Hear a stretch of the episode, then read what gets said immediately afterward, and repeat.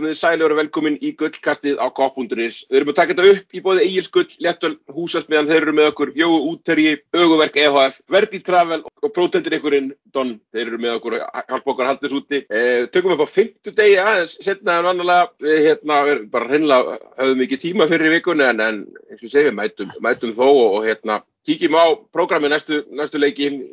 skoðum að síðustu helgi vond tapa moti Arsenal og Fítsegur moti Chelsea, e, deildina og, og þetta held að Burnley, það er verkefni næstu helgi. Maggi og Steinu þeir eru á, þeir eru á sínum stað og, og, og klárir í slæðin. Algjörlega.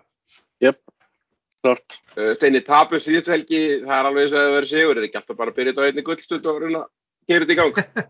Jú, það er sko komin tíma á eigin skuldstund, það er morgunljóð. Það er mynd á, á eigin skuldstund og hérna, og heldur kannski að sáfram í, í hérna, þessi hjálp okkar haldur úti.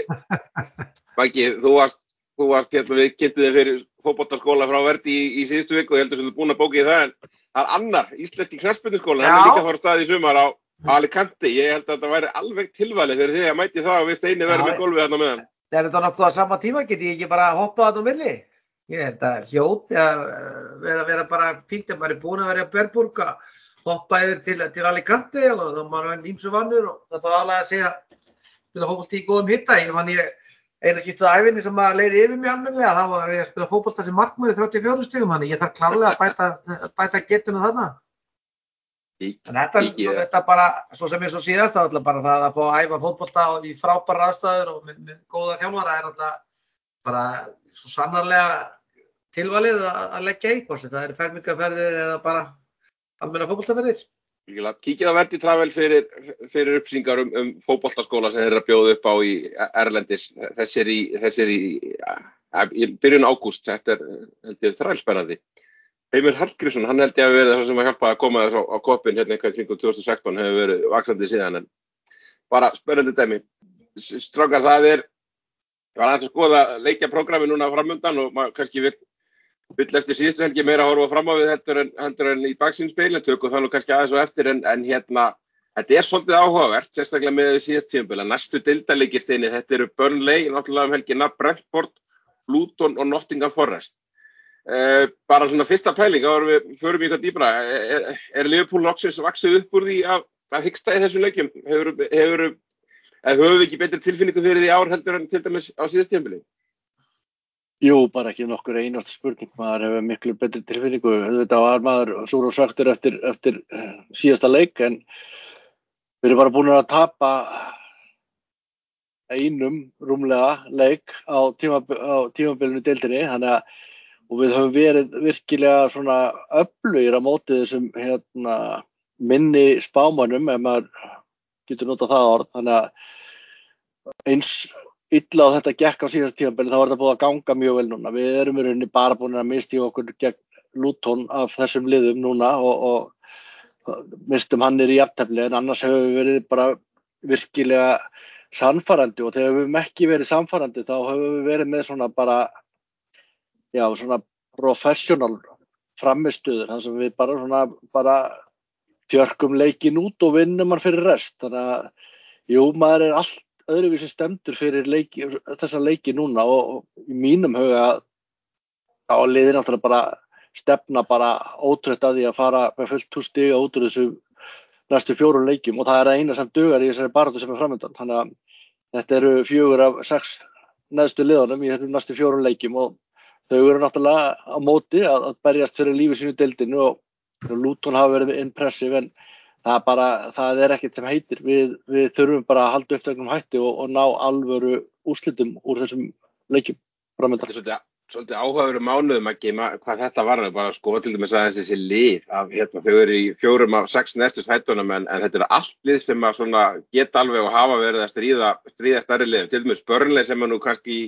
í vestaforminu aðum, aðum öllum og við mætum þeim á heimavelli, við fórum nú alls ekkert samfærið í gegnum þá á hann í jólum sko. Nei, samanlega því, sko, er ekki mest að ég afjengsi þetta og segist að það er pínu stressaði fyrir þessum leikjum, það er bara ágætt að En jú, ég samála því. Að við, þetta, sko, ég er samála steina að það var alltaf sko, merkinn sem við síndum í janúar að voru frábær, það var bara þannig og, en, en þú veist, það var alveg, veist, það, það er alveg þannig að við, við, við þurfum alveg að, að hafa ákveðna leikla í mjög góðu lægi til þess að þessi náum þetta, við getum alveg hort á fúlamleikinu sem voru náttúrulega báðir svona ströggleikir vissulega í miklu rotation dæmi. Og minna, þessi börnleika svo að vísi var líka svona okkur strögglin við höfum alveg klárað. Eh, því horfið á horfa á þessu sirpur en nú er þessi, þessi fjögur lið sem við erum að mæta núna þá er náttúrulega sko, rauðin á þeim er, er ágæðist og lítur út núna því að mér fannst Brentford bara ekki geta neitt í þessum sittileik þó að þeir hafi komist yfir þá var það einhvern svona Brentford-legt mark, markmaðurinn að neglunum beint upp en þú veist mér að þetta sitt ég hefur með 80% með boltan og voru bara gjörsamlega saltað á, voru þau að var algjörlega einhvern veginn líflöst Brentford-lið. Þannig að ég vona að það við virkilega getum nú þann draug sem að svo völlur er hjá okkur sko. Uh, ánáttúrulega bara vera lið sem við vinnum. Það er bara ekkert flókið. Og ég treysti því að sérstaklega eftir þetta svekkelsi að, að fá hennan lélega leik eftir stórkostna leik á miðgudaginn þá séu leikmennir sérstaklega þessi líkilmenn sem áttu erfitt bara tilbúinir að stíga hratt og döglega upp í þessum börnuleik og bara skella sér beint on track. En þessi fjóri leikir sko er á þýlitinu til erfiðir kannski að, að svo erum við að fara inn í þennan sko ljútonleik og, og, og Forrest sem, sem eru þessi þessi næstu lið sem við erum bara að spila við er náttúrulega bara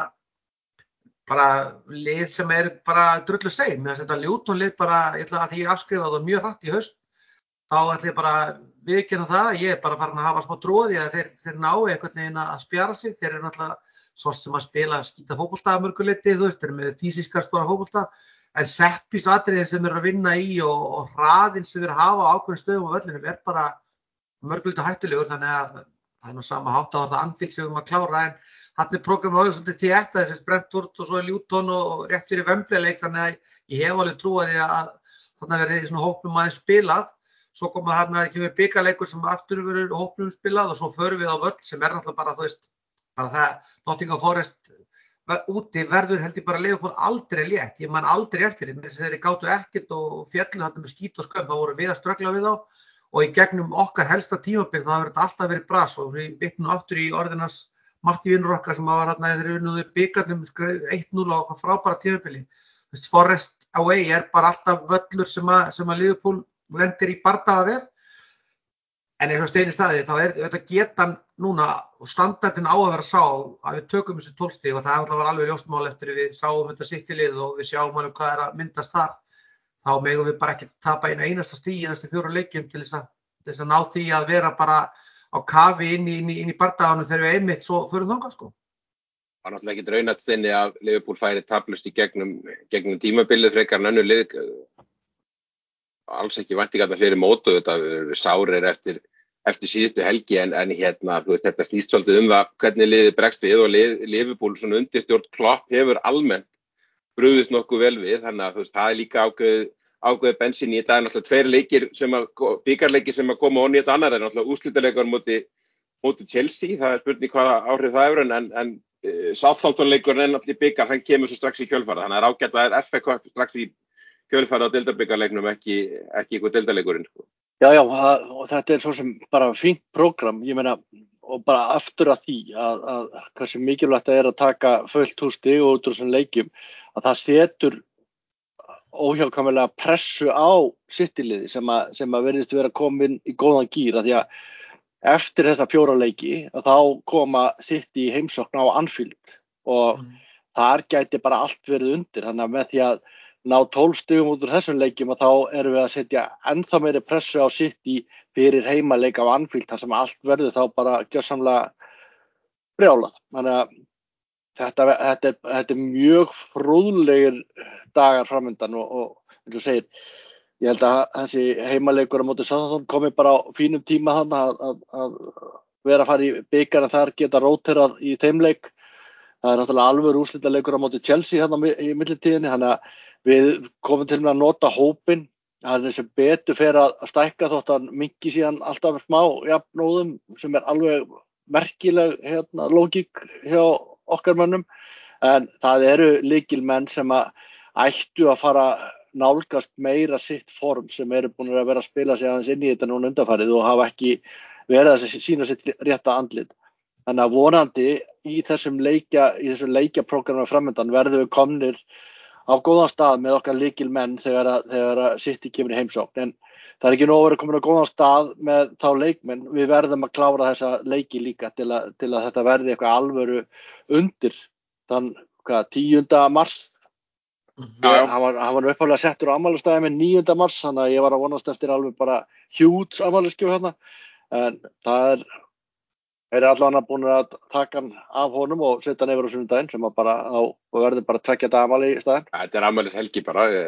unnum með þannig. Ég veit, ég veit ekki hvort ég ger- gerir grein fyrir það, það er alltaf sko, tíundu massi sko, eftir, eftir Evrópudöldarleik úti, þannig að við skulum vona að Leifupúl sé ekki að fara að þvælast til, til,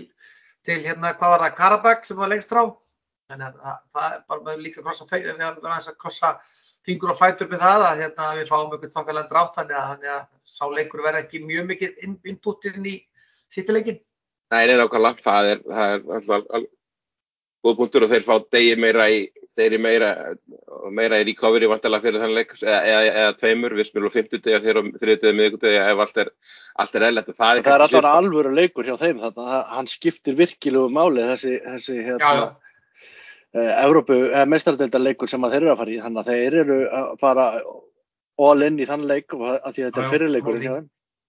Algjörlega. kemur í ljós setna, sko, bara líka út frá þessu skoðum aðeins bara eins og leikurum mútið Arsenal, þú veist, mér finnst engin ástæði til að vera með eitthvað stóra dóma eftir þennan leik og, og hérna, þetta er náttúrulega bara fyrsta lagi, fyrst og fremst var þetta af þessu dögum hjá,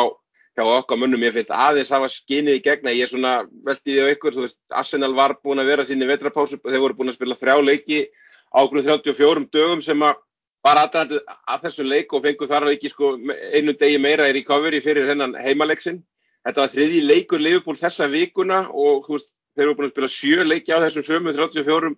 fjórum dögum og ég held að við mist þrjá leikmenn út í, út í meðsli fyrir leik. Veist, eru, þetta er allt afsakanir en, en veist, ekkert, það er ekkert er sjokkar en þetta lið hafi ykkur, tíman hlaupið að veggi í þessu, þessu prógrami sem búið að vera og hvað þá mótið svona sterkum, sterkum mannstæðingi með, með, með þetta fórskot eins og, eins og ég leggjast upp svona, sko. Nei, nei, það er, sko, þetta, þetta voru margi faktor. Þetta, maður sá það alveg á liðinu að, að, að á bara liðunum að annað var búið að spila. Ég, ég, ég fer yfirleitt seint inn í þreytudæmi en þetta er farið að taka toll og það sást alveg á, á bara, á, á, bara hlaupa getunni í liðunum í þessum leik að, að annað var búið að spila þetta mikið og það, þetta var helvítis högg fyrir leik að missa þessa þrjá út þó að Núnes hafi náð á bekkin Conor Bradley var búin að vera stórkosluður í leikjónum undan. Eh, Trent engan veginn tilbúin í slægin hann að við þurftum að gera erfiða breytingar og með mjög marga fjarrri og en sko þetta voru nokkur atrið sem að, sem að gerði það verkum að við töfum þessu leik. Það, það, það er alveg klárt málað Arteta átti bara virkilega alvöru dag bara, hann setti liðið sitt upp mjög vel, ég fannst Arsenal ekkit frábærir í þessum leik. Þeir voru mun betri en við, ekki miskilja mig. Þeir voru mun betri en við en mér fannst þeir ekkit vera þessi sigur var ekkit skapaðar að því að þeir voru svo stórkosleir á vellinum. Þeir voru virkilega góðir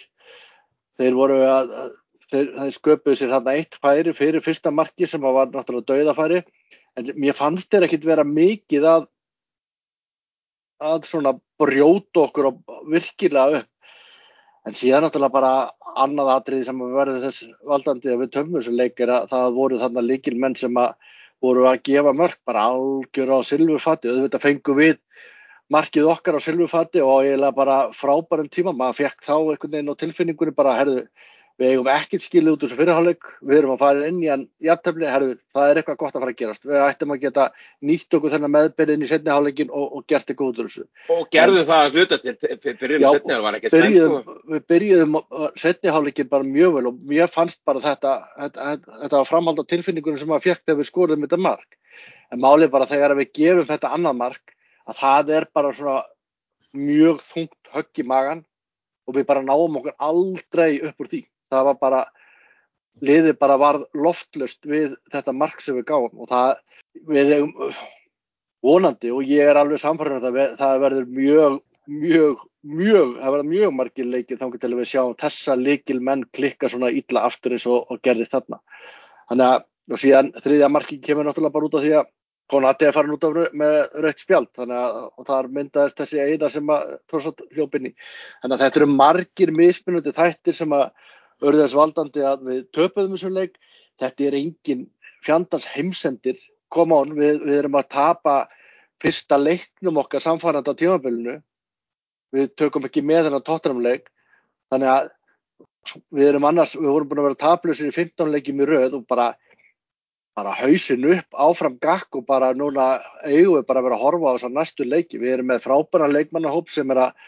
það eru fleiri og fleiri menn að koma inn í hann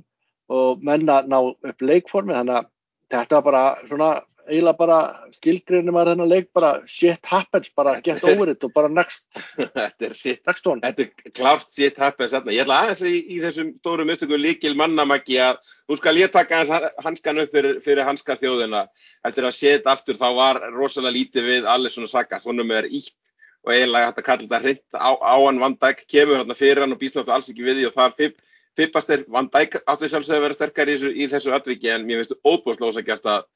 að hengja allir svo fyrir, fyrir þetta mark allavega. Eftir að, eftir Já, að sé já, þetta aftur. Sko, ég samála stein, sko, það sem ég varst akkurat í þessum leik að því við gátum ekkert mjög mikið að þá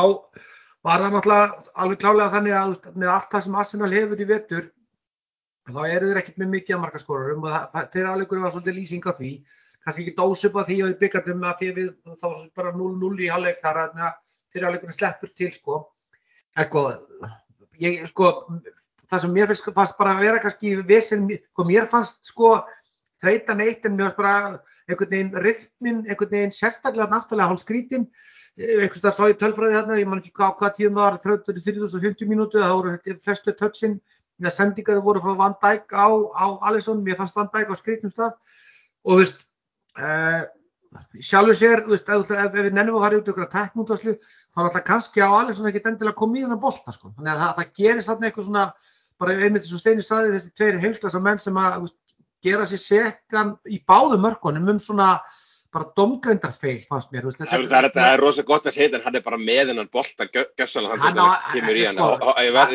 maður legg til að horfið á þetta aftur aftur og það- Já, ég er búinn að horfa á Van þetta. Dijk er líka með hennar bolta bara áður en Já, að hann, út. átti, að- taka þetta, ég er ekkert að, er afsala honum nennu en mér finnst það- hars á Alisson. Það sé að minn útskýra útskýra með það, þegar Van Dijk, þetta er ekki tóta sé stór völlur það er Van Dijk veit einhvern veginn í einhverju tímabúti þá veit hann af Alisson, þess vegna er hann einhvern veginn þeir lenda momenti og náttúrulega Alisson náttúrulega einmitt er að eh, Martinelli gerir þetta alveg vel að íti Van Dijk að stað og þá einhvern veginn þorir hann ekki að negla Van Dijk í klessu til þess að taka boltan á því. Þannig að þetta var svona moment þar sem að svona, veist, klárlega Van Dijk stóri sökudölgurinn en þú veist bara þeirra samspil þarna er vond þess að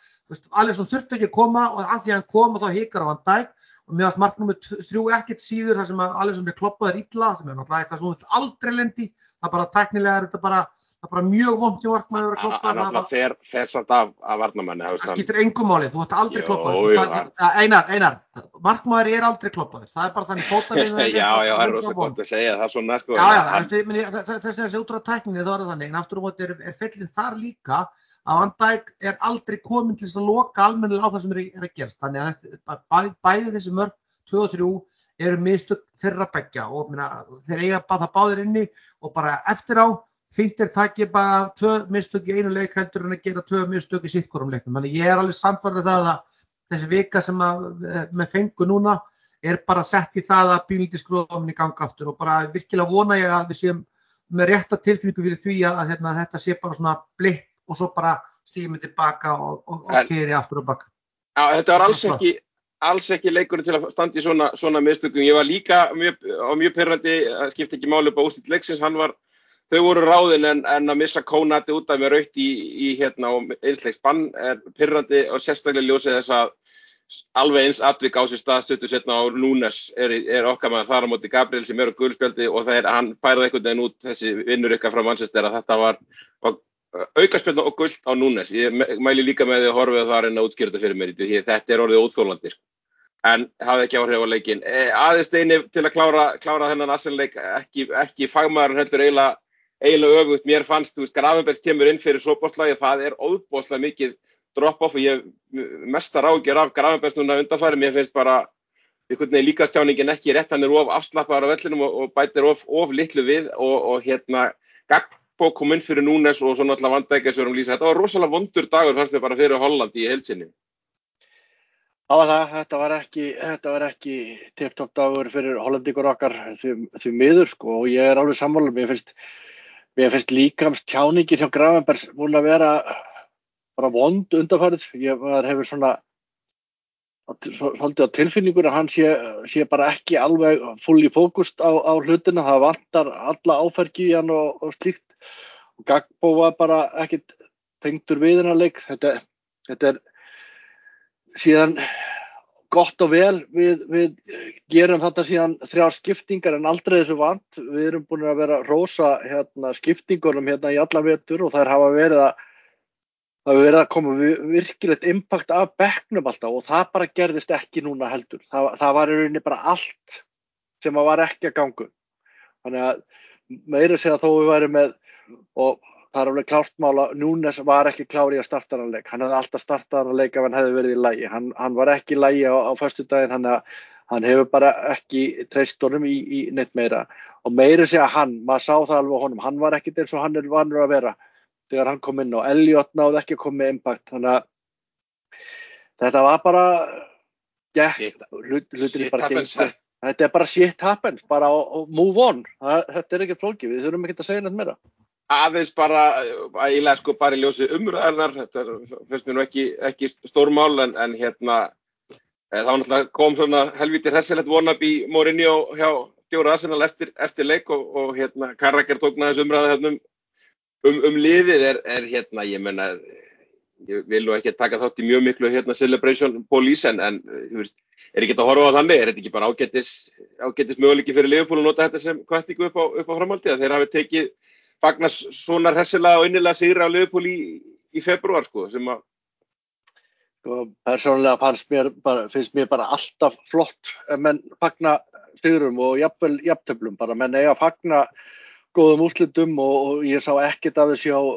öðegard þó það pyrri mig þegar maður er að horfa á þetta hérna ringleika hús þarna þegar það í öðru, annari hverju, öðru hverju stoppi þá að vera að reyna að æsa krátið með einhverjum handarhefingum. Mér finnst það bara kjánulegt en bara, það bara ég. Hann byrjaði, hann byrjaði þínu bara sjöttu myndu sko. Já, já, mér finnst þetta alveg. Hann var nú, og, nú framförsteinu, hann var að hvetja Assalamenn til að hvetja liðinu. hann var ekki að hvetja okkar með núna, en og sama eins og hann, Úgrænu maður, hann er alltaf í ykkur svona en bara gott og vel, bara, jú, jú, þetta,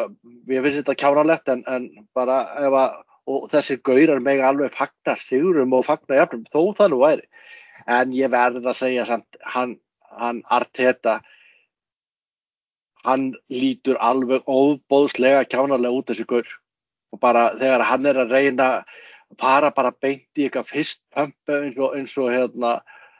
klopp, allan bara fattið ekki hvað hann líti kjánulega út þetta er svo, þetta er, þetta er svo mikið feik eitthvað. Þessi gauri fann að fara rosalega í pyrrundana og það er ekki út af því við töfum þessu leik. Mér finnst bara almennt fer þessi gauri orðið í pyrrundana og bara mjög mörgum að því að það er einhver, er leikþáttur sem að hann er að búa til þetta því að manni finnst, já, manni finnst hann ekkit vera einlegur í þessu. Þetta er, þetta er einhver skrítin leiknáttur og bara ég held að hann sé ekki að, að gera Arsenal greiðla með því að, að, því að þetta, þetta er ekki bara hjá okkur þetta er bara, þetta er bara mjög almennt heyrismanni að menn eru farnar að svona líta þetta svolítið hotnöga hvernig hann er að haga sér og þetta snýst ekkit, þetta snýst ekkit um passjón bara,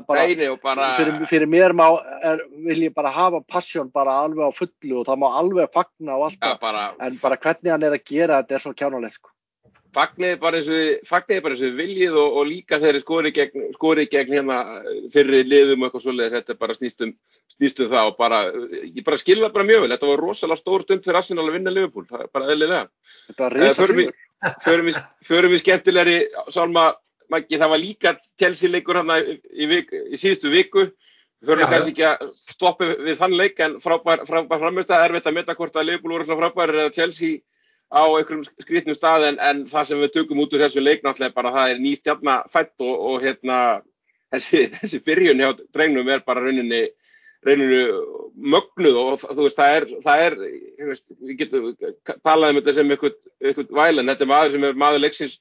tvo leiki röð og, og missir einn af þessum missir af þessum assunaleik, þú veist, það er ég er ekki að segja þessi mikið, mikið högg kannski við fáum trend alveg þetta rannandi inn en allt skiptir þetta mál og ég er ekki frá því að hann hefði byrjað hennar leik með hvernig hann var að, eh, var að koma inn í koma inn í þetta lögbúlið, Conor, Conor Bradley að sjálfsögðu.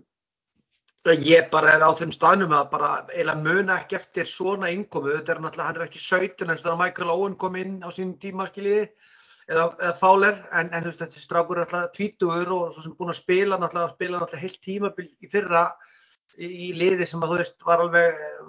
bara í, í fínum standard og hann er búin að, er búin að vinna titil á Vembley, þannig að þetta er gaur sem er með fullt af sjálfströsti og, og hérna svona bakgrunnstjekkið allt í góða lægi en veist þessi innkoma þessi síðustu tveimurleikjum og bara í rauninni í þeim mínútur sem hann hefur komið inn á hann komið inn á í asenaleiknum, við hann komið inn á í haust það er þetta bara strákum með fullskapaðar og það sem mér finnst svo magnað í rauninni og fannst svo, veist ég var í alvörinni í, í leiknum, þetta er erfitt að segja þessi asenaleika því við vorum ekki að spila vel en það sem mér finnst bara Conor Bradley einhvern veginn búin að pínleita að búa til núna er svona bara í kollinum á mér ef hann er heill og er að spila svona til hvers að það búið til eitthvað fjandans hérna, hvað heitir þetta, hybrid hægri bakvörð. Þannig er þetta bara með gaur, hann getur hlaupið upp og niður línuna, er góður varnalega. Hann er bara betri varnalega heldur en, heldur en, heldur en hérna, sko, Trent finnst mér, svo mörguleiti, ja, Trent er, er bara fín varnalega, þetta er bara góður varnamaður og svo er hann bara bombat um kantinn og drullar í fyrirkjöðu. Mér er markið þess að gegja en sendinginas og reyfingin í markinu sem að sókværslega gerir, eða þú með svona bakkur þá ertu bara komið með svona robotípuna bakkur í hægra megin og þá er ekkert sem segir það að þessi hybrid bakkurður sé það besta sem rista bröðabúið til. Þannig að koma bakkur að reynda maður ekki sko eins og hann er lísta allavega fyrir þjálfurum og svoleiðis að þá er ekkert þá er alls ekkert útlöku að hann verði mitt sko líka, nei, þetta er efni líka í miðjumann sko. Já, já, sko, það sem, sem ég finnst kannski vera bara málið þarna, það sem þeirra trend var að gera þetta fyrra, það sem við höfum verið að lendi vandræðum í, í hybrid-stöðinni hefur verið þegar við höfum verið ekki að ná að einhvern veginn sópa upp á bakviðan, en þú veist, mínu viti, að Bralli heldur þessu áfram, hann heldur áframhaldin svona, þá þurfum við að finna leil að spila þeim báðum og bara þá myndi ég alltaf segja, herri, ítum trendna þessu ára miðuna, því svona bakvörður eins og hann er sem er svo, svo robbóðir hinnum meginn, Þetta er bara, veist, bara eitthvað sem að lið nefn ekkert að mæta. Gauðir sem getur overlappað, hann hljópa ykkur að tæpa 13 km sem leik, hann átti ykkur 11 overlapp, þetta er bara fáránlega tölur og það er alltaf það sem er verið vesinn, eða að eða sem getur bæði spila svona sóknulega og varist eins og hann gerir, veist, þá bara, auðvitað þetta bara rétt að byrja og þess aftur, þessi byrjun er svona bara þannig að það bara vatn í munnin þá finnst mér bara ekkert að því, ég tala nú ekki um að ég ætlum að passa okkur eða ekki öllum fundunum í Sabi Alonso, að ég horfði á bæja lefukursin ekki að er, þessi stráku getur heiklu spila þetta, þetta bakvararkerfi sem hann er að spila með svona vingsbakk stöðu, þannig að þessi strákur er ótrúlega spennandi, hann er bara, hann bara, bara eins og sé, hann er bara, maður bara, ég trúur ekki hvað er spennandi og hræðilegt að kalla angonum að missa föðu sín í miðju þessu aðtíð sko. Ríkala, ríkala sást fyrir hann og bara svekkjandi líka að, að hérna, þetta er, hann er í hæstu hæðum, þetta frábært fyrir hann að pappa sagði orðið, allavega, veist, orðið vitna þessari, þessari byrjun, hann er komið svona vel á staðin, þetta sýnir líka bara ágætlega steini, þetta er bara einn af þessum strákum, við erum alltaf búin að vera mjög miklu meðslum fyrir áramót og það er kannski, mér veist, mér veist að stórlega vannmetið hvað árangur leifbúlega verið á toppnum eftir allt þetta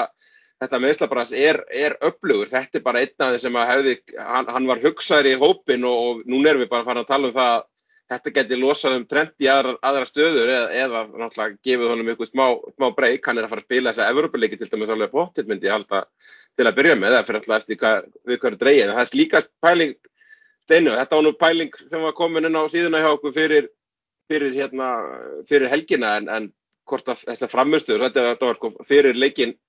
leikinu mútið Chelsea hvort að þessar framistöður á Bradley og, og Gómez séu þess að eðlis að að Leopold getur unni fara að setja kaupa bakverðum bara aðeins aftar í aftar í goggunur og náttúrulega Simikas er líka búin að svona aðeins búin að sanna sig á þessu tímpil sem, sem notafur, notafur kostur og, og, og Trent og Robbo er ekkert, er búinir þannig að þú veist með við, við umræðina hjá okkur í sömar þá var þetta sem við höfum mestar ágjur af sko. Já, hann F hann heitir þessu flotta nafni F kom með, kom með þetta topic inn, inn í, í kommentarkerfið á, á, á gullkartinu og við viljum endilega hvetja menn til að koma með tópikinn sem þau vilja við, við ræðum eitthvað frekar og þetta tengist náttúrulega þessu og það er alveg klárt mála að, að svona framistöður eins og Conor Bradley og bara Joe Gomez. Við erum alveg á bara fárálega flottum stað. Við erum með, við erum með hérna Robbo og, og, og Chimika samt á vinstramegin og við erum með Conor Bradley sem bara verðist vera full bara tilbúinn til leiks og, og Trent þarna hæra megin og síðan erum við með Joe Gomez sem að verðist engum alveg skipta hverju megin hann er. Hann, hann, hann getur kofur að báða megin. Hann að við erum með fimm alvöru bakverði hann að þetta hlýtur að fara bara verða komið aftast á listan. Eina sem maður hrættur um er að hvort að Conor Bradley verði bara of góður til að sætta sig að vera nummið tvö ef það verður ekki fundin staða, bara, staða fyrir trend sko. það, það er bara miðjulega með, með trend á ef það er bara ídun og þakka og, og, og hvað við, þetta, þetta er góði hausverkurinn við að vera með öflugan hóp þegar ef að þegar kannski ef allir verði eitthvað tíman heilir.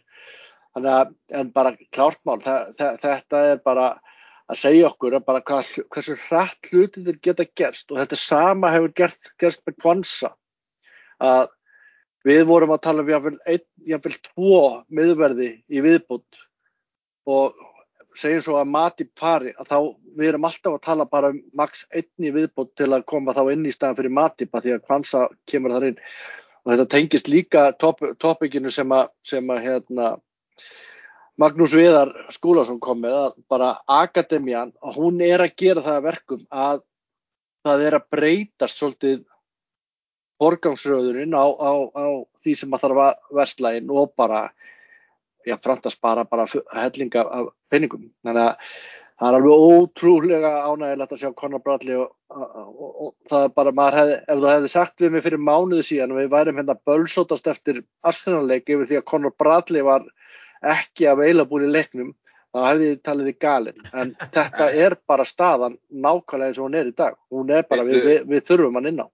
Við þurfum líka bara að fara að revju upp þættina hjá okkur þegar að Trent var, var að koma inn í, inn í bakverðin þetta, þetta er ekkit mjög, þetta er ekkit það ósipað, hann var aðeins stærra nafni í yngri flokkunum heldur en Conor Bradley. Það var hann samt látið tölvörð með hann og, og, og Trent hafði þá ekki hérna, hafði ekki sko heila, heil tímambil á, á bakinu frá í, í Champions League, í League One en hérna þetta er bara það frábær, frábær hvernig þið báður er að grýpa þetta tækifæri. Og þess að segja, þið er búin að snar breyta umræðin í okkur og það þýðir það bara það ef að liðbúin ætlar að fara að kaupa í þessa stöðu þá geta það bara farið í herra kaliber og keift færri og dýrar og betri. Ja, við vonandi virka þannig en þeini það er ekkit það er ekkit eh, flókið hverju fagmaði vikunar, hann var ekki að spila mot SNL fagmaði vikunar, það var engin af þeir sem kemur til greina og því ennþá frekar að, að hérna að þessi Conor Bradley, hann, hann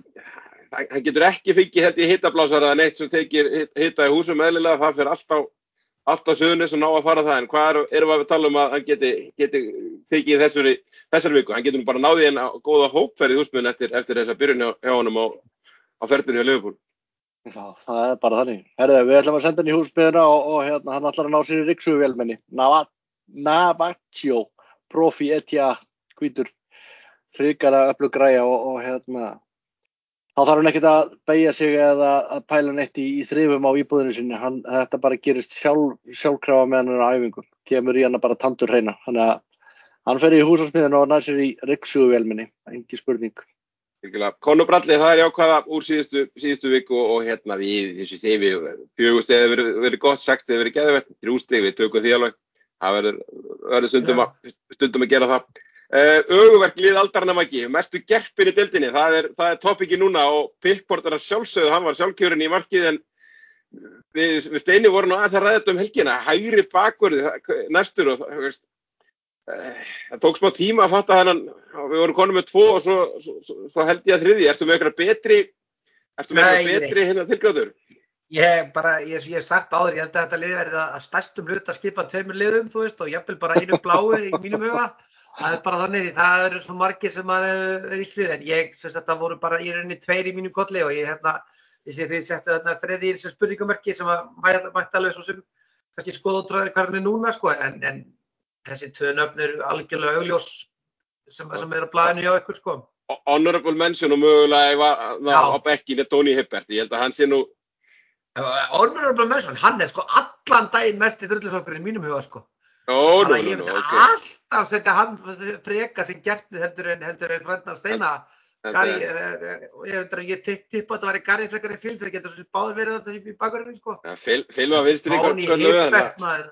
Það hvað fekk hann, fekk hann ekki allavega eitt ef ekki tvö rauð á móti Liverpool og var stanslöst í því að sparka með niður náttúrulega. Alveg príma gertni sko. En það er kannski, óþægilegt að vera bara með blámina því að Bikot voru þarna á þessum, þessum stað sko. Nei, nei, þetta er bara mestu gerpir í dildina þeir, ef þeir eru allir bláir þá er það bara eðlert en, en hérna, er þú, er þú Steini? Ég, það, er ekkit, það er ekkit spurningamerk í mínum huga við Asle Jóng. Það er bara, þetta er algjört gerpi. Ég fæ bara, það nýstir hennar beini þegar ég sé smettið á honum bara á sjónvarpskjánum og bara, ég get ekki beðið eftir að hann hætti fótboltan. Hinnir hafa allavega haft vitað því að hætti fótboltanum. Það ég á bara sko. ég, ég, ég á bara mjög erfitt með að velja á milli þessar að þryggja þetta, þetta er alveg bara inn að beini fá þetta sko þannig að Ég Tony ég er Hibbert, Asli Jóng og Gary Neville Mér finnst þetta Kyle Walker alveg vera efni í ágæti skerpi, hann alltaf svona, ef maður væri búin að sýta í alla sér fyrir, ég, ég fíla hann afskaplega illa líka, en hann er svo sem ekki, ekki mínum huga í flokk með Hibbert og Neville sko. Hann er meira bland karakter svona. Vesenni við Gary Neville, hann hefur aðeins sko mýkt hérna, viðhorfi gagvart sér eftir að hann fór á já, hann meikar alveg hrenn sko, hann er ekki maður, maður gætt leift sér að hann var bæði, bæði ljótur fáið á velli og bara vittlus, en síðan bara kemur í ljós að hann er ekkert svo rosalega vittlus og hann sé með oft mjög rángar skoðanir. Þannig að hann er búin að skemma þetta svolítið fyrir manni þetta Já, þetta, þetta óþól sem maður var með fyrir Gary Neville á sínum tíma, því að það var svo sannarlega gríðarlega mikið. Ég ætla, ég ætla að setja þetta á, á þig Steini, ég setja á Neville, ég ætla að gefa honum, gefa honum setið, hann, ég ætla að að hann með þetta hversu mikið fávit þetta var innan, innan vallar og hversu mikið hann hattaði, hattaði lögbúl, hann þetta er á þér og þetta, þetta, þú farið að velja melli Hibbert og Neville, Jón, Jón verður út, út úr þessu, þessu, þessu, þessari lótu. Býtu, fáið þið að velja á milli þryggja og ég bara tvekja það. Já, Þetta er nú líðræðið maður. Mér fannst, ég held ég verða að setja þetta á, á ég verða að taka hérna af mér glerugun sem að hafa farið á eftir að hann varð uh, pöndit Gary Neville. Hibbert finnst mér bara ekki verðskulda að vera í neinu liði. Hann, hann var bara ekkert í mínum huga nema bara pjúr fáiði. Þannig að, jú, Gary Neville fær, fær að fljóta inn í liði núna. Ég held þetta að væri svona hvað mest safe staðan hjá Everton út í það maður, þú veist, fyrir utan að vera alltaf leikmaður, leikmaður Everton, þá er Seamus Coleman ekkert, ekkert, ekkert teljandi á mótunum annað, annað það, bara ágættis, ágættis fyrir í, í þínu liði og allt það, en, Hibbert var hann á undan, en, en ég held að Neville, hann var, hann átt alveg skilið, hann verður, verður ágættur hann með Pickford í markinu. En þetta er ekki eins og stundum í, í, í hinuliðinu, það vorum að velja bestu aldarinnar að það verður engin full yfir því að af okkur að Gary Neville hafi verið valinn sko. ég vissum að Maggi, hann, hann sefur alveg yfir þessu sko já, ég sé alveg yfir þessu, ég er sammála því. Ég man bara eftir einhvern veginn, já, Hibbert var einhvern veginn bara einn af þessum mörgu bláu sem að ég held að eitthvað mynd þetta sem að fara alls hljóðskinnið Já, þannig. En ég er alveg sam- sammála steina því sem leikmaður og það nefnir líka alveg hróðalegur í höstum ofan, sko. Þannig ég kaup, kaup, ég ætla ekki að þessu sig, já, ég, ég mun alveg ná að kúra þá þetta hefur verið gert, sko. Algjörlega, strákar höldum þetta, er, þetta, er, þetta stefnir í hérna, hræðilegt, lið. Uh, Það er galið við sem að velja þessa menn eins og stein sér, við sem að velja þessa menn í einhver lið er alltaf alveg gjörst. nei, nei, ekki, ekki liðið, þetta er mestu gerpin í dildinni, þetta er að halda, halda fókusinn, sko. Já, ok. Uh, aðeins að dildinni, svona helstu sem ég tek, tek út úr henni að, að hérna,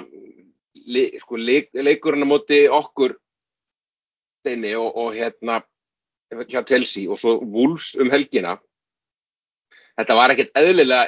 lélegt. Mögulega kemur eitthvað kredit fyrir leikinuna móti, móti Aston Villa en, en hérna, ég var farin að sjá fram á og ég veit ekki hvort það sé ennþá, ennþá ona, Pochettino var ég bara farin fyrir úrslutaleikina móti, móti Liverpool inn í lok, lok þessar mánuða. var ekki, voru ekki einhverja frétti með það að Chelsea geta það ekki bara út af, út af financial fair play þannig að þeir eru bara stökk með þeim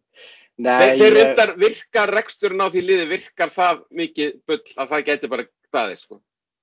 Já, já.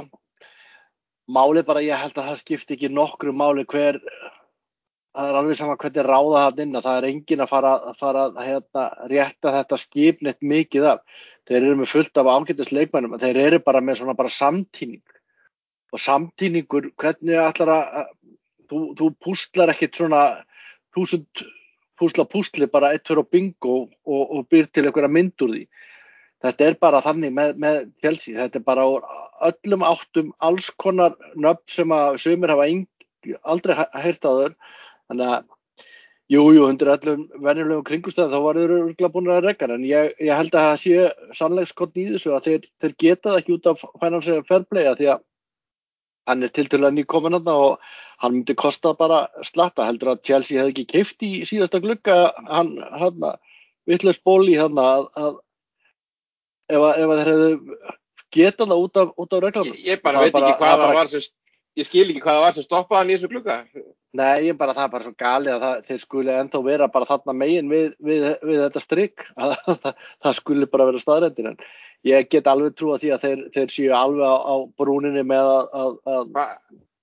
já, fara yfir þessa línu. Hvaða línu og hvaða strikk ættu að tala? Þeir virtust augljóslega ekki að vera að hafa neitt strikk eða línu í, í, í, þegar þeir keftu undanfara náður, þannig að það er ágætt mögulega. Það var eitthvað einhverju lögfræðingar búin að segja þeim bara og, og sína þeim strikkið. Ég ætla, ég ætla að vona það, en þetta, þetta gengur engafinu eitthvað saman hvernig maður reiknar þetta út og eins og rættum aðeins í síðasta þetti. Eh, Maggi, við erum alltaf eins og staðinni núni í deildin, þetta er nú fljótt að breytast og fljótt að gera það. Arsenal er alltaf klárlega ennþá vel á lífi og þeir eru að útileika mútið vestam á sunnudagin og leikur sem þeir gera jættefli í fyrra og mannstu sitti þeir eru að Everton í háttegin og löðdagin heima þannig að mér finnst nú mannstu sitti eiga Everton eða Luton eða eitthvað svona lið í hver einustu umferð en þetta er reynda leikur sem eru að gera jættefli í fyrra en þeir eru komin á rosalega takt, þeir eru sex af síðustu sjö leikjum í deltinu hafa er unnið og þessi eini sem þið unni ekki það var jættefli tíja síðustu ellu inn í því náttúrulega þessi leikir hérna í, í HM og svoleiðis en, en þeir, eru komnir í svona sinn, sinn sitt í ókveikandi sterka, sterka gýr Ekki spurning. Og það er bara því miður það, það, það, það kannski neikvæðast að við helgina var einhvern veginn þessi svona þessi sinking feeling sem maður fekk á mándaskvöldinu að maður gera sér einhverja vonur um það eftir þetta svekkelsi gerðansins að, að horfa á sitt í kannski lendi ykkur brasi. En þú veist þetta brýni verist þegar að koma bara einhvern tilbaka. Haaland er í Haaland eða þá inni hann er ekki skora hún í ákveðin tíma.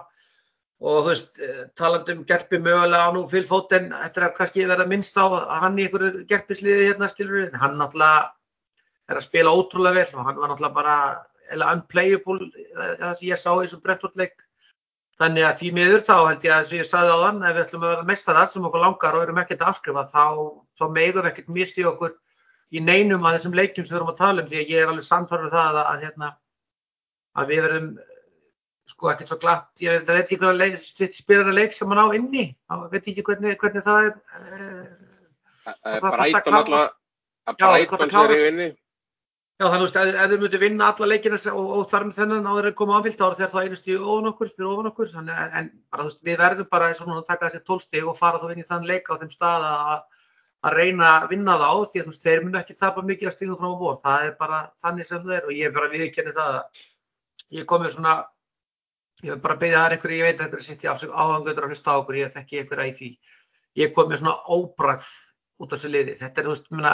ég ætla að viðkjanna það núna sem ég ger aldrei, ég átti alveg til einhvern veginn að hugsa um þetta United-lið sem var á sitt best, þú veist, einhvern veginn, þú veist, voru einhvern veginn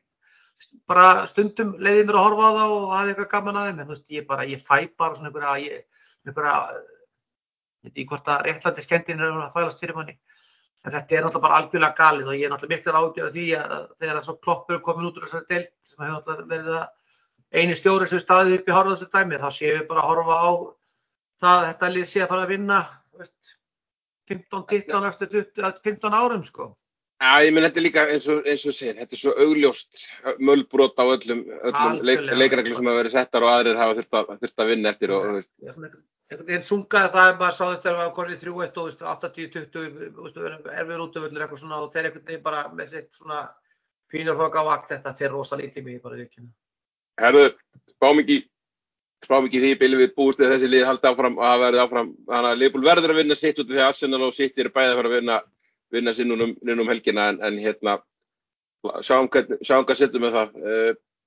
Steini, ég var að tala við Átna Steini í vikunni, hann hérna, hann er komin í, það er ekki rétt, rétt hjá mig, hann er komin í merkjular.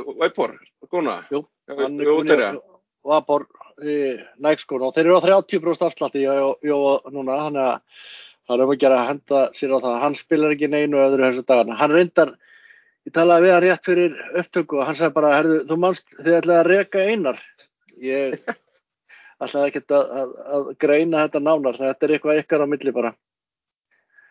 En hann spilar svo sannlega í, í, í Vapor og hann kifti, hann fekk, hann fekk þess að jólapakkanum frá pappa sínum og mömmu. Vapor sem var kiftur í Jóa útri, það reyndar ekki á afslætti en þetta er alltaf fínu verði, verði hjá þeim. Sko. Það er bara, bara flott, það getur líka tengst eitthvað þessum, ég er náttúrulega gisti hefði á vorum, það var hittingur hjá K.is og, og hýst, fekk hann henn að bánsa í jólagjöf sem var í herbyggjuna á rúminu. Ég hugsa það, já. Algjörlega. Uh, talandi um þetta hjá sitt í Maggi að hérna janúarglukkin er er raunin eitt, eitt svo fróðlega í, í setni tíð, báði mun á leikmannuglökkum, þetta er náttúrulega Chelsea er helmingin af þessu, en Mhm. á hvað, 950 miljónir eurur, eurur sem var eitt í janúarglukkanum fyrir árið síðan kemur þetta þessa sekt á Everton og, og, og alltaf verið Nottingham Forest og Everton ennþá undir, undir svona smásjónni og það er eitthvað, það er eitthvað breyst og það er ekkert eins og að vera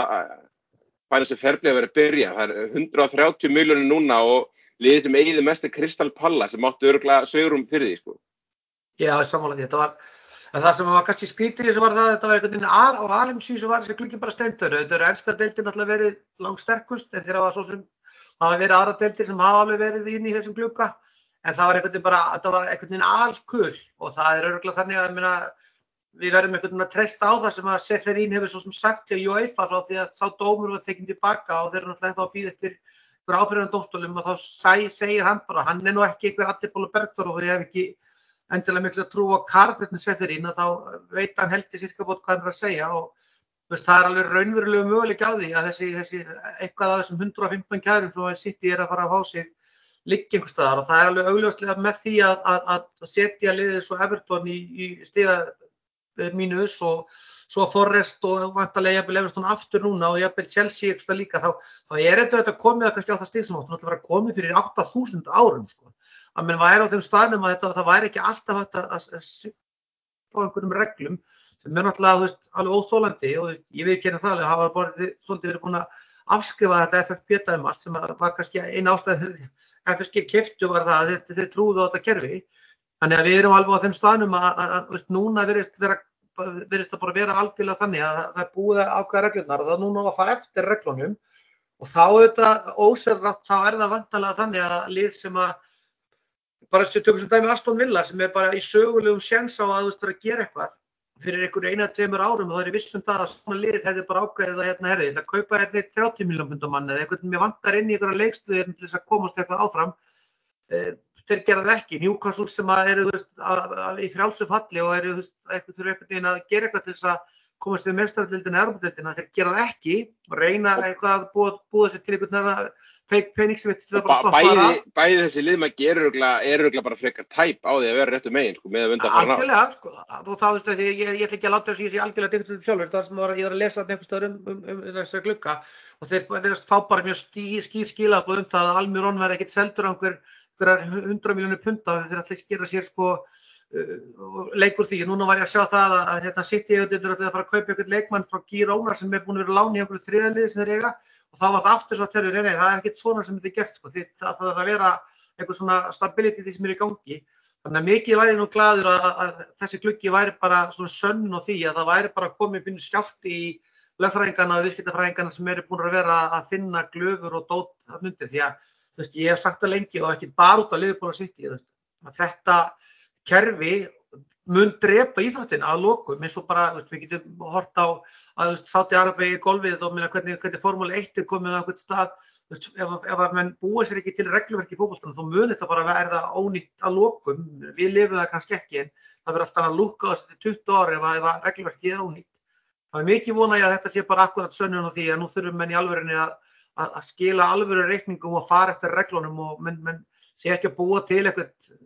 eitthvað svona financial bara hoax sem að, mun það bara laða að sér fleiri vittlisingar sem bara gera ennþá meiri vittlisur eins og búli og svona gaurika sem halda geti bara búið sér til ykkur leikvögg. Það virkilega vona ég að þessi glukki sé vísmyndingum ekki bara það að menn hafi einhvern veginn ekki verið með mikið af almennilegum bitum á markanum. Förum í helgina steinni það er eins og segja 6 dagar millir leikja kannski ágættis að virka bara eins og frí fyrir, fyrir Leopold og vonandi eru aðeins endurhenda endurhenda eitthvað leikmannum og fá líka leikmann kannski aðeins í betra form sem að hafa verið að koma inn svona hægt, hægt og rólega. Enda og náttúrulega komið tilbaka. Ég held að Sými kannski búin að vera afengum núna alla, alla vikuna og náttúrulega Robbo, og Trent voru komnir, komnir um daginn og núna er þetta allavega að spila þessi síðasta leikan en hérna, þetta börnlega lið eins og á hann þeir Leifbúl vann á 2-0 en setna marki kom á 90. myndu og þessi, þessi hræðilega, með hræðilega nafniði markinu þann Trafford, hann var nú virka allavega nokkuð efnilegur en að móti kemur að veist, í þessu leik var Leifbúl að spila útileikina mútið börni þá var Endo Gravenbergs Elli og það var miðjan í, miðjan í þeim leik hann að mögulega er eitthvað sveru þar til öfluri, hérna, öfluri spilamennsku og svona opna, opna á þýr Já, já, nú er bara, nú er bara gott tækifæri til að, til að hérna, koma sér bak á trakk eftir, eftir vonbreiði síðustu helgar. Þannig að við loksins fáum við bara nokkra daga til að svona recovera. Við erum sex dagar á milli, milli þannig að það er hóttið búið að vera nýta allan tíman á æfingarsvæðinu, fara yfir, koma mönnum í betra form, trend. Þetta Róbert fóð með nýja sending á Don held ég mánu den, þannig að það er búið að dæla það í það líka sko. Já, það sést alveg að það er að koma miklu fleiri tilbaka, þannig að Don sendingi frá Róbert er bara virkilega að hafa áhrif og vonandi bara verða menn komnir í, í toppstand núna bara mjög fljóðlega, því að við þurfum svo sannarlega á, á hérna þessum kanonum okkar að halda Trent og Robbo sem eru búin að vera lengi, lengi frá og vonandi fáum við hérna unga drengin okkar í hæri bakverðinu tilbaka líka því að hann er alveg drullu flottur og ég var fjöstaklega í þessum leikjum sem eru svolítið tætt að geta vaðið upp kantin og koma með alvöru fyrirgjafir þar sem að verið er að pakka, pakka niður í ykkur á lóblokk sem að menn spila sig oft erfilega í gegnum þannig að það, það, það var það gulds í gildi. Þannig að vonandi bara hérna fá ekki, Tiago spilaði smá í síðasta leik og er núna vist mittur næstu tvö árin eða eitthvað álíka þetta er alveg að verða gjössamlega óþólandi með, með drengin eins mikil gæðu og, og hann er með í sér að, að, að geta bara ekki haldið sér heilum. Auðvitað tengist þetta öruglega hinn um meðsklunum að hann er að koma tilbaka en bara come on, þetta er alveg fimm, eftir fimm mínútur skilur það auðvitað oh. með þann aftur, þetta er alveg og þetta gerist oft hjá, hjá Liverpool en aðeins ára fyrir við Liverpool liðum ekki þetta, þetta börlið, það er eins og segið Traffordan í markinu en þetta, þú veist, heldur þessu búin að vinna eins og segið, þú, þú mátt afgingsa þetta og, og, hérna, og allt það, en þeir eru búin að vinna þrjá leiki núni í vettur og þetta hefur nú ekki verið neitt rífandi gangur í mundafarið, samt böða jattefli núna, þú veist, gera jattefli við fúlhamlið í síðustu umferð sem að fúlhamliði var alveg verið að taka leiki veitu þar sem hefur verið nokkuð, nokkuð efnilegir og, og eins og segja þeir gáðu okkur alveg leik lengst af í, í fyrirumferinni. Já, samála því, en samt sko, þess að þú sagðir sko, þeir, þeir, sko, þetta var, var leikur, hvað áttu við ekki vera fjóðun lifir í hálfleika eitthvað, ég, veist, færin sem vorum að fá og, og Trafford náttúrulega þó var sé efnilegu markmaður, þannig að það voru við að spila honum yfir getur sko að veist, við áttum að vinna þennan leik með tölvert meiri yfirbörðum og, hérna, látum heldur við gerðum sko. Eh, þetta Burnley projekt er mjög skrítið og allan háttist mér. Það er alltaf búið að gera ægilega þætt um það að lead back to the promised land og þeir hérna allir að taka svona uppskuttunni á forrest að vinna deildina alveg heiftalega vel og kaupa svo bara einfullt af leikmunum sem að margir hverjir og flestir hafa bara ekkert virkað þarna. Kompani orðið það mikil stjarnar að einhvern veginn það er engið að tala um að reyka hann þó að veist, það, það sé algjörlega skýrt og klátt að flokk börli er tölvöld meiraldur í Sheffield United þessum eru búin að reyka sinnstjóra af nýlegunum, ég held að við hefum spáðið eitthvað 11. sætið í maður rétt í okkar spá. Allavega var alveg sko allavega vel seif þeir voru ekki eins og nálega þegar fattbáratu þeir eru náttúrulega núna bara að stara inn í, inn í sko eitthvað svona skrítin tíma þess að þýðir það veist, þessi leikur, næstu tveir, þrý leikir eftir, veist, þeir þurfa að fara að peka stig því að munurinn á, á þessum, þessum tveimur lið nöðslu og, og því að við öryggur sæti er tölvört mikill. Eh, þessi strákur sem kom inn á þarna, þessi, þessi, þessi, þessi fófana sem kom inn á var fítn en þetta voru að mínu viti bæði mörkin eru gefin af þeim ágættamanni Bernd Leno. Þú sáðu fyrir að marki var veist, útlöp sem að maður klikkar á í fjóraflokki og í sérnarskipti var hann afskaplega lin og liðlega hendi, hendi og næstung þannig að það, það voru bara við erum að tala um markminn hann len og gaf þeim þetta stík, það var bara þannig. Þannig að ég bara, þú veist bara er bara á þeim staðnum að við þurfum bara að taka þetta lið og bara kvitta vel fyrir þennan aðsynarleik og þú veist, við, við ætlum ekki að detta hún í draman hérna sem við verðum til og allir verðum að tala um það að vandæk var spilað ill út af samningnum og kloppur að hætta og minnur að missa sér eitthvað, það bara væri ágætt að menn bara myndi stíga núna hérna inn í þetta, kerðu í þennan leik bara nákvæmlega, þú mútið Chelsea þá átta börnlið ekki að sko eiga breyki okkur. En eins og alltaf, þú veist, ef við dettum inn í eitthvað svona gýr, eins og kannski fúlami fyrir áleik eða, eða fúlami í deildinni, veist, þá, þá erum við alveg, er, er þetta þessi deild bara það sterk, hún refsanir, það er nú bara alveg þannig að þú, þú bara, mínu viti fyrir, þú veist, þú vill ekki einu sem segja sem þetta nöttið, við skrifum frá þeim líka, þú veist, þá er það bara þannig að, þú veist, það er það mikið gæðið þessari deild, að ef jafnvel bestulegin er ekki bara koma inn í leikina fullri ferð, þá, þá verður einhver sem að, sem að lendir í vandraðum en ég held að eftir tapu síðasta leika þá horfum við inn á það að Leopold sé aftur. Og við töpum hvernig á að sé einhvern veginn í september þessum vafastum aðstæðum í tóttunum ég ætla bara að tippa það að við vinnum alla leiki fram að að sýtti leik sko. Hvort sem það er þessi þessi, del, þessi deltaleiki fjórir eða þessi, þessi hvað er ekki tveir byggaleiki fram að því þá, þá bara vinnum við það alla. Vonum það en steinni það er sko þetta er alltaf sama, sama sæn ég held að þetta sé að vera frekar ólíklegt með, með Sala og Sopostlægi og vantarlega er Conor Bradley ekki, ekki fara að koma inn í, í þennan leik. Og á þess að ég viti nokkuð stöðun og því Konati er í banni og náttúrulega er ekki að fara að gera meira á þessu vantarlega ekki á þessu tímabili e, þú veist, er ekki málega, þú veist, frekar horfið að við séum endur heimta innan, innan Gerselapa Núnes og, og Robertson og mögulega, mögulega kannski trend í betra formið, maður sé að vonast til þess eitthvað svoleiðis og náttúrulega náttúrulega líka Otar og Endo sem að, með að við síðasta leik, það var náttúrulega bara eitthvað sem var býstið að koma bara beint inn í byrjunlið, ekki nefn að sé eitthvað búin á því eftir þess að sjöu kemni, sko.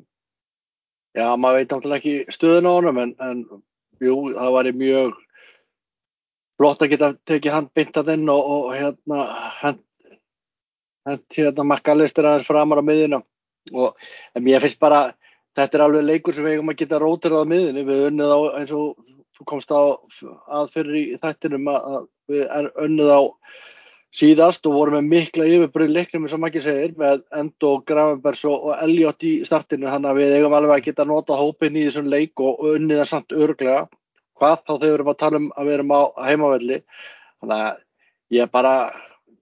ég er nánast slétt sama hverju byrjir hann leik. Ég vil bara sjá alveg framistu, ég vil meiri segja bara helst verðlulegna Gravenbergs fyrir ömurlega leik síðast með því að starta þennan leik og segja bara við hann, herru, þýndu nú bara hvað þú getur, nú hefur þetta tækifæri til, annars ertu bara að fara að setjast á bekkinu og jáfnvel ekki á bekkinu. Þannig að nú, nú verða menn að fara að stígu upp, en við þurfum líka að fara að koma mönnum inn í, inn í dæmið eins og Trent og, og, og Robertson, þannig að ég hef ekkert hissaði að sjá þá. Þannig að spurningin er hver kemur í stað fyrir Konati, ég held að Konati hefði hvort þið er aldrei spilað hann að leik, Ég held að hann hefði alltaf notað Kvansa eða, eða Gómez, það fer eftir hvað hann gerir í bakvarðarstöðunum, hvort hann seti Lefi Gómez lóksins að spila sína stöðu. Þannig að í mínum huga er, er nánast gjössamlega útilokað að giska á byrjunalið. Ég vil, eina sem ég vil segja hér og nú, ég vil sjá þá koma tilbaka okkar tvo bestu menn, Van Dijk og, og Allison og bara koma bara með hausin upp og, og bara hittir að baki og síðan vil ég fá bara núnus í startið. Ég er bara, fyrir mér er allt öðruvísi dýnamík í liðinu þegar núnus er inn og hvort sem hann klúðrar 15 færum eða, eða 5, það er allt önnur dýnamík í liðinu. En nákvæmlega hvernig liðinu verður stilt upp, það er, ég held að sé gjössamlega útilokka smá fyrir það. Eh, þetta er ekkert flókið, Maggi, bara að vinna blaðsíðu tvö takstarfinu og þá eru við í góðum sens á, á deildinni. Leifur er búin að tapa tveimur stegum í, í vetur og þetta eru fjögur, fjögur hvað segir maður, fjögur hérna, fjögur hættulega leikir, fjögur banana hýði sem að eru framöndan, spá fyrir, spá fyrir leikinu motið börnlega, byrjum þar. Ég held að við séum bara, bara algjörlega á þeim staðnum að, að menn vilja koma tilbaka með látum. Það er náttúrulega glöfum ekki að gleyma því að samkvæmt nýjustu fréttum bara held ég endanlega staðfestar í, í, í, í dag að þá er verið að fara að selja, já, ég held að það sé eitthvað þúsund sæti þegar það ekki að selja. Þannig að það verður eitthvað eitthvað en það sem við verðum að koma 61.000 en ég held að það sé 60.000 sæti um, um helgina. Þannig að þeir eru að fara að opna eiginlega, eiginlega alla stúkuna, það er bara eitthvað smá svæð eftir sem að mun bara auka enn á stemminguna á anvild. Þannig ég held að við séum bara að horfa á fjögur núl sigur, bara við séum bara, bara allum okkur svo sannarlega ekki að fara að búa til eitthvað panik eða stressin í þessa, þessa, þessa baráttu og nú bara halda menn bara bent að stað, vonandi verður við sala komin að þannig að ég sagði ekki, það er ekki sérstundir í hóp allavega. Það er fínt að fá hann inn á til þess að skora fjórðamarkið í allavega ekki meira, ekki meira en það og held að þessi frekar ólíklegt sko, þessi 17. Okay. 17. frekar sem erum að horfa í sko. Ok. Ég ætla að segja 4-0, þannig að þetta er bara þannig við erum að fara að pakka þessu börnlilegi saman. Við hefum ágættið skur þarna inni og Sala, ég hef bara að gleyma því. Það er gleymun. það segir það svolítið. Hann er ágættir í hópulta. Við getum alveg, já, nota hann á, á núna næstu, næstu leikjum og það breytar, breytir, getur breytt myndinni töluvert. Já, ég er líka freka bjartur. Ég er, ég er bara samfarið um það að mentalitið í, í þessu líði er þannig að, að menn er að fara að koma tilbaka. Menn er að fara að koma tilbaka, við erum að fara að anfíld, við erum að fara að hérna, spila fyrir svona rekord hérna, krát. Ég ætlaði nú að fara í 4-0 líka, ég, en ég get það, ég ætla að segja 3-0. Það tekið 3-1 á þetta. Strákar við bara þrjústig það er einu sem ja, einu sem skipti, skipti máli eins og eru, eru þrjústig og, og byrjum, byrjum þarna. Daskráin er held ég ágætt í, í bíli þaukum eigin skull fyrir að vera með okkur við letulega sitt. Húsasmiðan, það er nóg að gera þeim í dag til að hitta, hitta sögnesumenn, það er bara bara frábært ef það, það tekst og bara vonuð það best og setjum alltaf goða kvæði til, til allar sögnesumanna Jó, útterrið þar fáið takkaskóna á, á góðu veri, ver, veðri, verði heiti það. það er líka gott veður þar. Já, það er bara hróða kallt að við fljóðum líka þetta að fá fókbaltskói í vondu veðri sko. Já, það er gott veður með, með, með hérna, verditravel bara í fókbaltskónan. Fáið skónas átnastins allavega á góðu veðri núna. Herðu, auguverk EHF, þeir eru búin að setja Gary Neville í liði með, með Pickford og þetta, þetta þarf að enda þannig að, að þeir hérna auðverð bræður, þeir þurfa að hitta þetta lið. Bara hópmynd með þeim. Nei, láttu það ekki og, og Robert er farið til, til Englands með næstu sending af, af Don Protein-dreiknum, það þarf að, það þarf að koma þessu liði einhverju aðeins aðeins meira meðra stand og vonandi er sjá þetta betri við þetta meðan finnst þetta einhvern veginn alltaf gerast helviti hægt hjá okkur mönnum. Þetta er alltaf lengist, lengist listum þessi komið tilbaka að fara alltaf strax aftur. En vonandi best að börnlegum helgina. Takk í, í þessari viku